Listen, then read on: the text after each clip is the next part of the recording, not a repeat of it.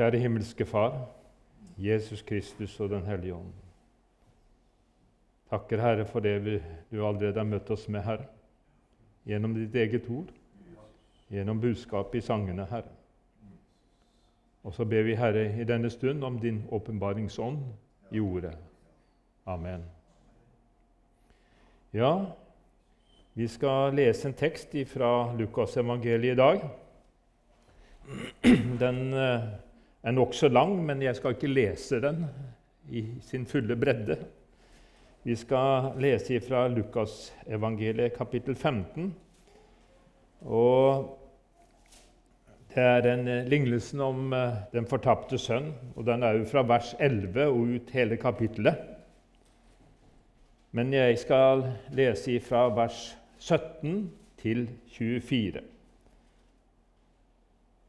Da kom han til seg selv og sa, Hvor mange leiefolk hos min far har overflod av brød, men jeg setter livet til her av sult.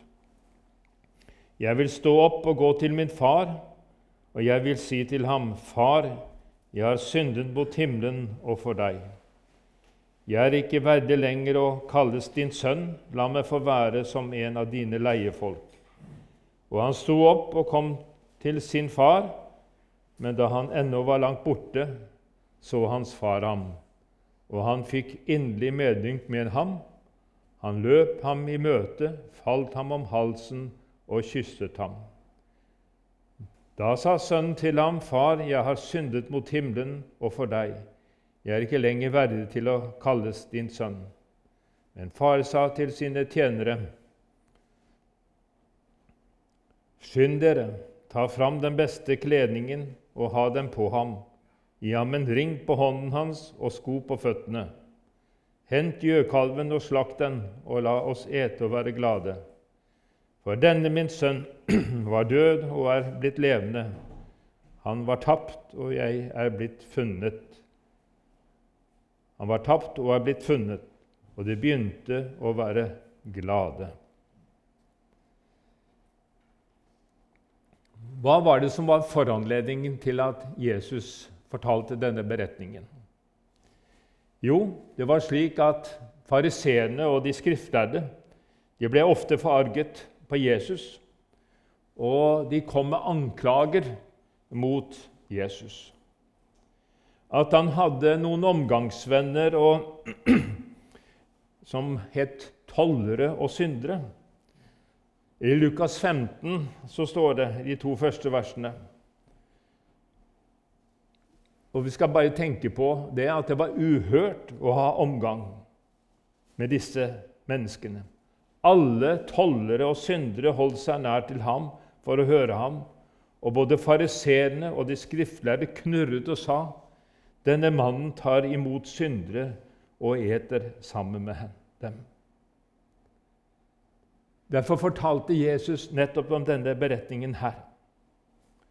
Der Jesus svarer på denne måten ved å fortelle denne beretningen, hvor Jesus tar hånd om det som er fortapt. Hvor Jesus søker opp denne bortkomne, denne fortapte. Slik er han også i dag. Og Jeg måtte jo stille meg det spørsmålet hvor er jeg i denne beretningen? Handler det om meg? Er jeg en av sønnene her? Eller er jeg den som hører, ser og observerer? Ja, disse spørsmålene kan du svare på underveis mens du lytter til ordet. Ordet til oss i dag det handler om to sønners forhold til sin far. Og Denne beretningen den anskueliggjør evangeliet på en enestående måte. Vi mennesker kan innrette oss på to måter, to ulike måter, forskjellige måter i forhold til Gud. Vi mennesker vi er jo skapt i samfunn med Gud. Og Bibelen forteller at dette samfunnet ble ødelagt fordi synden kom inn i verden. Og det førte til at det finnes en vei bort fra Gud. Men den forteller også at det er muligheten at det finnes en vei tilbake til dette samfunnet, tilbake til Gud. Altså veien bort fra Gud og veien tilbake til Gud. Og som sagt i ord så møter vi en far og to sønner, hvor den yngste sønnen forlot sin far. Han ville være bort fra fars omsorg og omtanke. Det var nok noe annet som lokket og dro for å komme bort fra sin far. Og for å gjennomføre planen så måtte han be far om å få en forskudd, en del av arven som tilkom ham. Han ville ha denne arven. Eh, far kunne ikke forhindre ham å gjennomføre en slik plan. Kunne han det? Nei. Men han kunne sikkert ha gjort det, men han gjorde det ikke. Og Det forteller oss at tvang og makt hjelper lite i en slik situasjon. Og foreldrene Det er slik at foreldre oppdager når barna blir voksne, at da har de ikke lenger mulighet til å styre barnas liv. Det er jo logisk. I oppveksten kan man gjerne påvirke dem, påvirke sine barn. Man kan komme med sine formaninger, men før eller siden så må jo foreldrene slippe taket. Og Det kan gjerne bli en veldig smertefull prosess for far og mor. Og spesielt når barna velger en helt annen vei enn det foreldrene har pekt på som den rette.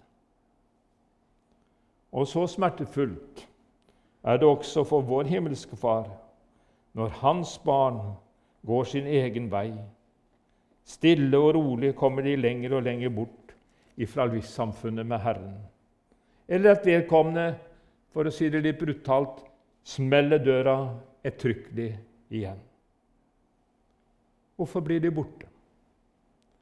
Ja, det kan vi gjerne reflektere over. Ingen tvinges til å være hjemme. Deres valg er for at de får også følge for deres liv. Noen også for de nærmeste medmennesker, dramatiske og pårørende, mennesker i nær relasjon. Sønnen han ønsket å etablere et helt nytt liv. Han hadde frihet til å velge. Eh, kanskje han tenkte slik Livet er mitt, og jeg har rett til å styre meg selv. Beslutningene var tatt. Det står at han samlet alt sitt og reiste til et land langt borte. Det fortelles ikke hvilket land langt borte. Det var best å komme seg lengst unna, slik at det var vanskelig å finne ham. Og det er vel ikke noe forbrytelse å reise seg rundt omkring og se seg om.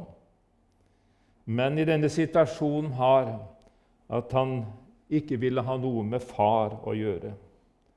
Han kom bort ifra hjemmet.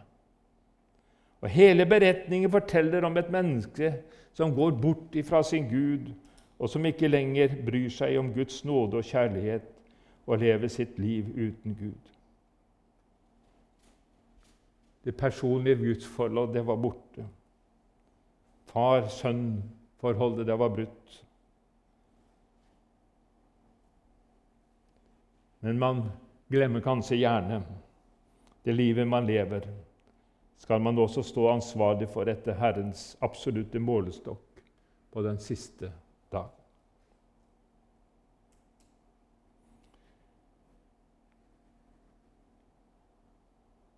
I et fremmed land, langt borte, så gikk det ikke så bra med ham. Det fortelles det at han brukte opp alt han eide, i et, eh, skal vi si, en råflott livsstil, et utsvevende liv. Og han tapte alt på en slik måte at han måtte faktisk dele sitt liv med svinene, står det. Det var en stor sultkatastrofe eh, som kom der. Og han begynte å lide nød, står det. Og Det ble ikke nok mat. Det var ingen som gav ham noe. Og vi kan vel si at hans såkalte venner var der så lenge han hadde penger. Hans eneste utvei det var å ta noe kontakt med noen som kunne hjelpe ham. Og resultatet kjenner vi.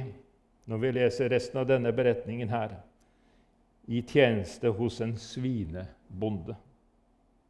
Altså, Han måtte ta til takke med å være en, en, en, en svine, svinegjeter.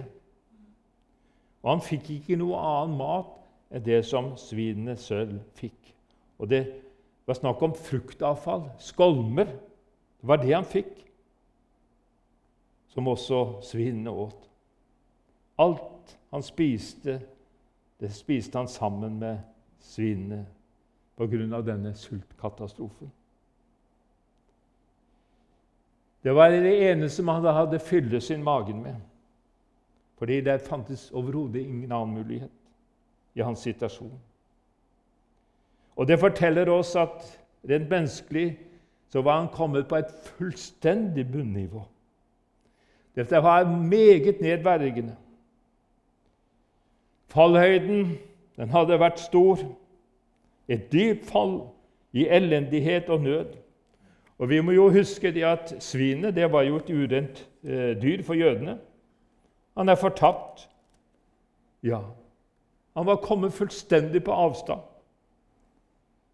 Livet det har tapt sin innhold, og det ble så meningsløst. Hva er det Jesus vil lære oss i denne beretningen? Han som holdt seg sammen med tollere og syndere.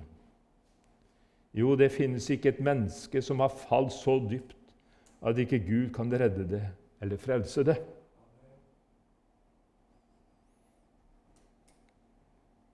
Det står ingenting om hvor lenge han var i dette landet langt borte. Det står det ingenting om.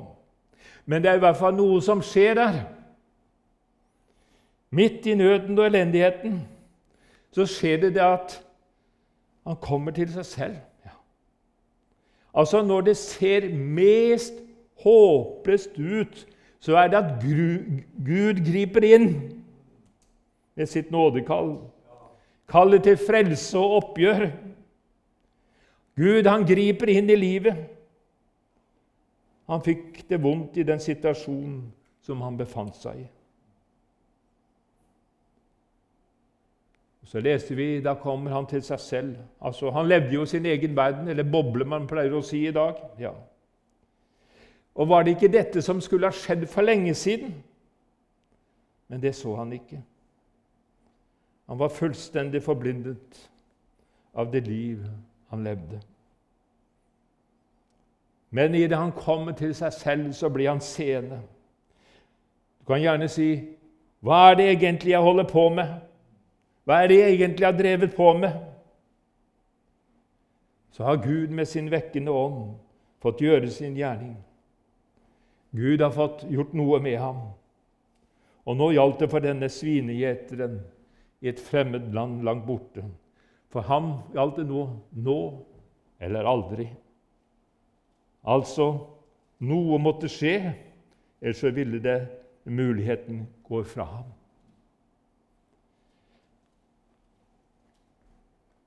Det var mange tanker som opptok ham. Han eh, lurte fælt på hvordan han skulle oppføre seg når han skulle møte sin far igjen. Han hadde jo tanker om det. Men først hvordan tror du han som svinegjeter så ut? Ja. Hvordan tror du han så ut? Han var sikkert en illuktende person. Tror du han har hatt muligheten til å vaske seg og skifte klær, slik han, han så litt bedre ut da han skulle møte sin far igjen? Han som nå skulle nå søke tjeneste hos sin far. Altså Han skulle bli en vanlig, ordinær arbeidstaker. Ja, Slike tanker hadde han. Vi vil gjerne så pynte på fasaden når det gjelder forholdet til Gud, være mer verdig. Men selv om vi anstrenger oss til det ytterste, så er vi ikke i stand til det. Og den virkelighet vil aldri komme. Det er Jesus Kristus som møter synderen. Det var der oppgjøret skjedde. Den rettferdighet som Jesus skaffet til veie med sin død over synden på korset, det er den rettferdighet som gjelder for Gud, og ingen annen rettferdighet. Men det er bare det at mange søker sin egen rettferdighet. Men den rettferdighet holder ikke. Og jeg har møtt mennesker Mange lever i denne villfarelse. 'Jeg gjør så godt jeg kan.' Men det er bare det holder ikke. Og så skjedde dette at han gikk fra tanke til handling. Altså fra ord til gjerning. Og Det står da han brøt opp og begynte på hjemveien. Ja, Vi vet ikke hvor lang denne hjemveien var. Det kunne sikkert ta mange dager. Han begynte på hjemveien, tilbake til sin far. Og Det står heller ingen om det var noen stans der. Det var det heller ikke. Og du kan tro hvor spent han var som ventet han der hjemme. Så står det så flott Langt borte fikk faren se han komme, og fikk medfølelsen, eller inderlig medynk, som det også står, med ham. Han så han i det fjerne. Og jeg tror ikke det var nok bare denne dagen at han hadde sett etter ham. Siden den dagen han hadde forlatt hjemmet, at han sikkert sett eller speidet etter sønnen. Kommer han ikke snart hjem igjen? Faren hadde ikke gitt ham opp. Det var et farshjerte som var fylt av kjærlighet til sønnen.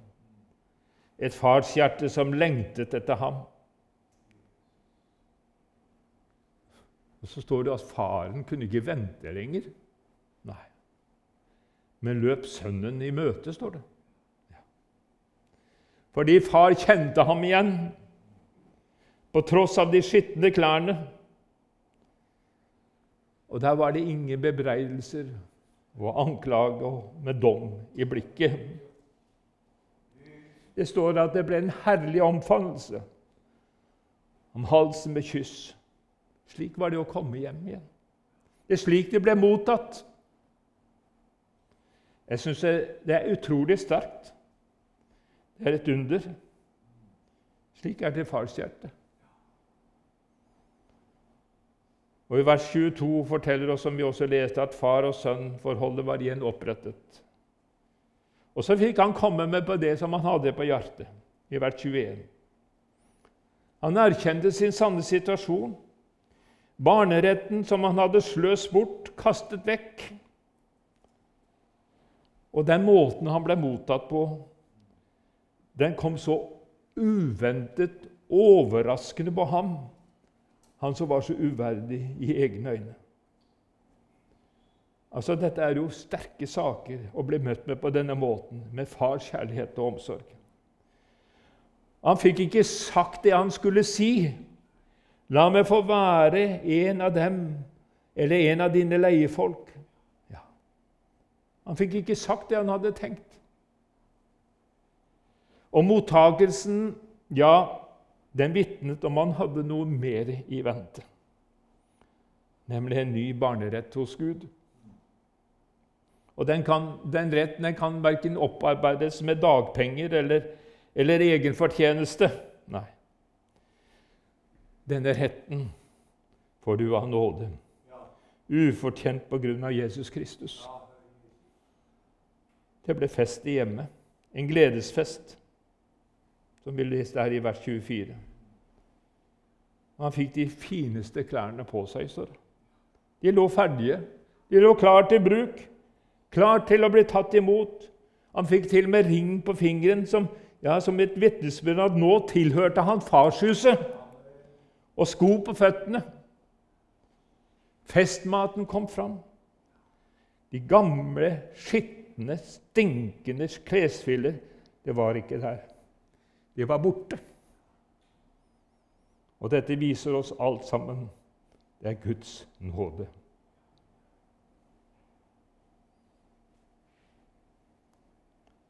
Du som eier og har troen på Jesus Kristus, du står i nye klær. Og det er det som gjelder for Gud.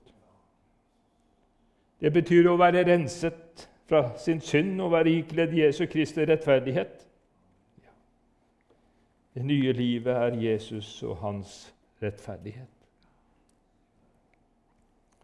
Ja, nå har det vært fokus på denne bortkomne. Men hva med denne hjemmeværende broren? Altså, Det kommer tydelig fram det vi leste her, at det var en person som ikke likte dette. Og det var denne eldre broren som ble vitne til det som hadde skjedd. For han var jo ikke hjemme da broren kom. I vers 25 står det, som vi ikke leste, imens var den eldste sønnen ute på markene. Og da han gikk hjemover og nærmet seg gården, hørte han spill og dans. Altså denne yngre broren han kom altså hjem til en meget sur storebror. Tenk at faren kunne vise denne broren en slik oppmerksomhet. Han som hadde tullet bort alle sine verdier. Han tenkte ikke på at denne broren hadde egentlig alt det han trengte i hjemmet. Alt sto til hans disposisjon, men han så det ikke. Og Jeg har litt fundert på hvem kan denne eldste broren være. Kan det være et bilde på troens folk som står trofast i tjenesten? De gjør seg kanskje lite bemerket. Og så er det altså en synder som har kommet hjem. En som har brutt alle de bud som tenkes kan. Skal han liksom være fortjent til en fest? Det går bare ikke an. I vers 28 står det da ble han sint og ville ikke gå inn. Faren kom ut og prøvde å overtale ham. Det er tydelig det at sjalusien og misunnelsen tok fullstendig overhånd. Han viste en hard og kald holdning både over sin far og sin bror som kom hjem igjen. Og Det vitner om et sinnelag som erger seg over at Jesus tar imot syndere og spiste sammen med dem, som vi også kan lese i Lukas 15. Det var ingen glede når en synder omvendte seg. Det står at den eldste broren ble forarget over farens oppførsel mot denne yngste broren. Det ble vist både nåde og barmhjertighet mot den som absolutt ikke fortjente det. Og Dette er jo selve anstøtet og har alltid vært det for den som mener at han har noe å rose seg av. I vers 29 og 30 står det her har jeg tjent deg i alle år og aldri har jeg gjort imot dine bud. Men meg har du ikke engang gitt et kje så jeg kunne holde fest med vennene mine. Men straks denne og legg merke til det. Han sier ikke 'denne broren min'. Det sier han ikke her. Men straks denne sønnen din kommer hjem Altså Han vil ikke ha noe slektskap med sin yngre bror. Han som har sløst pengene dine sammen med skjøger, og så slakter de gjøkalv for ham. Altså Han bebreider sin far han den trofaste sliter på gården er fullstendig satt til side til fordel for en som absolutt ikke trengte en slik mottagelse. Da måtte faren møte ham med dette budskapet i vers 31 og 32. Men han sa til ham, 'Barn, du er alltid hos meg, og alt mitt er ditt.' Men nå skal vi fryde oss, står han. Han sier 'vi'. Ja. Fryde oss og være glade, fordi denne din Han sier 'din bror' var død og er blitt levende, var tapt og er funnet. Han trodde at dette var hans fortjeneste overfor Gud, at han aldri gjort imot Guds bud. Ja, dette var hans egen rettferdighet. Og så måtte jeg også spørre meg selv igjen hva med oss hjemmeværende sønner og døtre? Gleder vi oss over denne fortapte sin gjenkomst, eller er vi fulle av kritikk over alt som burde ha vært annerledes? Det som betyr noe for vår himmelske Far, det er at mennesket kommer tilbake til farshuset. Mennesker som lever uten Gud og uten håp. Og Da må vi spørre oss selv har vi Guds øyne i denne situasjonen. har vi Guds nød og Guds prioriteringer. Gud han ser til hjertet, og ikke det som mennesker leter etter. For fariseerne de gjorde den samme feilen. De slukte kamelen, men silte myggen. Og vi trenger ikke gå lenger enn til oss selv. Hvor ofte vi ser, ser vi ikke i flisen i vår brors øyne, men bjelken i vår eget blir vi ikke var. Jeg er døren, sier Jesus. Døren er fortsatt åpen, som står i Johannes 10,9.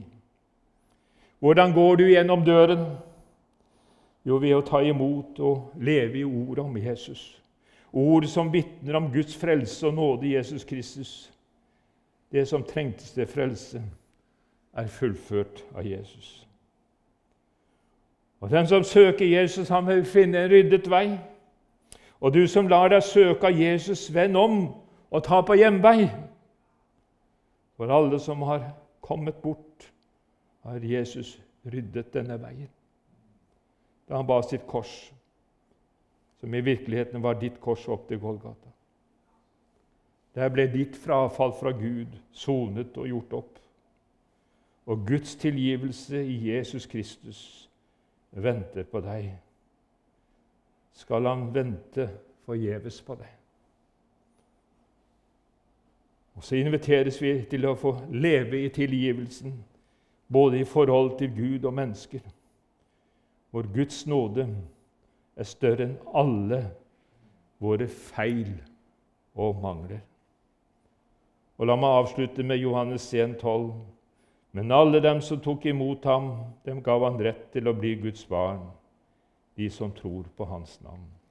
Amen.